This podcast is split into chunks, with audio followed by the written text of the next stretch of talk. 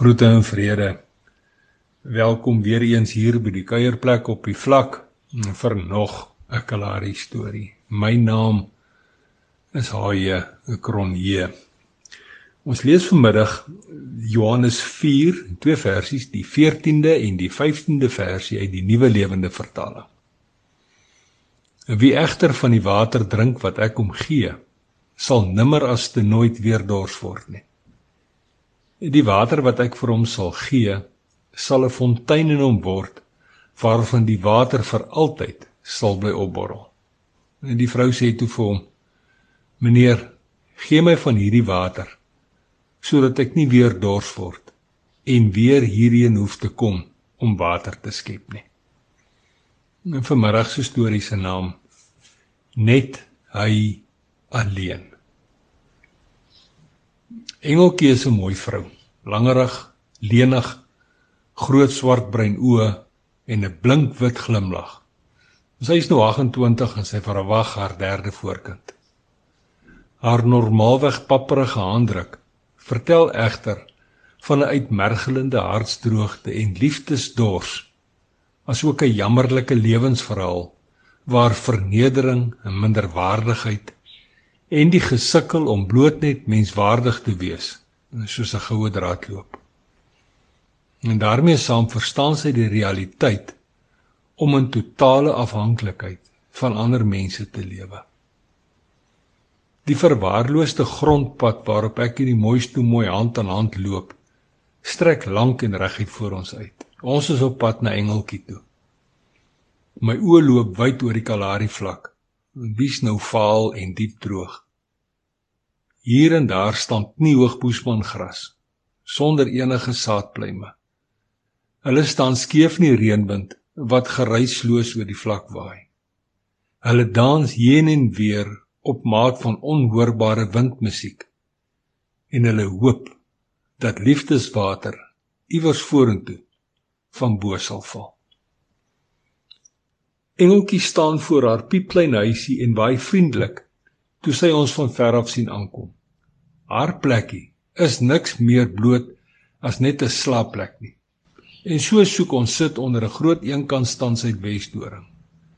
Ons gesprek proes en stik soos 'n halstarrige luster, maar tel daarna gelukkig al hoe meer en meer spoed op.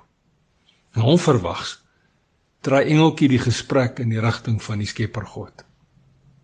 Wie is hy sonder Bybelversies nou vir jou vra ek.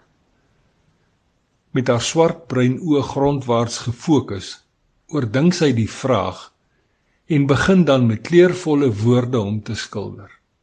Woorde deur spek met respek, agting, eerbied en 'n ontzag vir die Skepper se grootheid.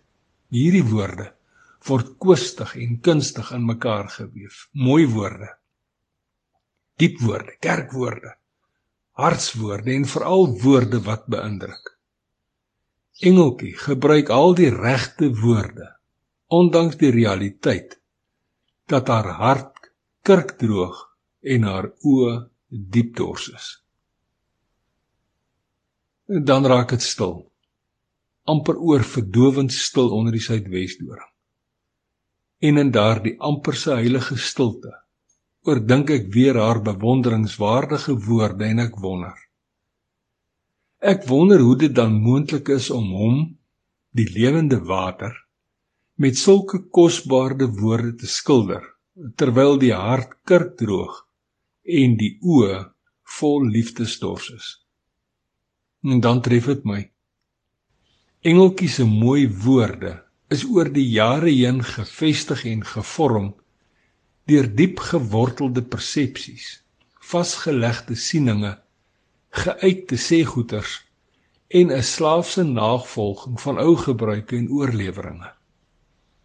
Die beginspore van Engeltjie se woordskildery van hom is duidelik getrap tussen haar ore en nie in haar binneste binne nie. Daarom is haar hart droog en is haar oë dors.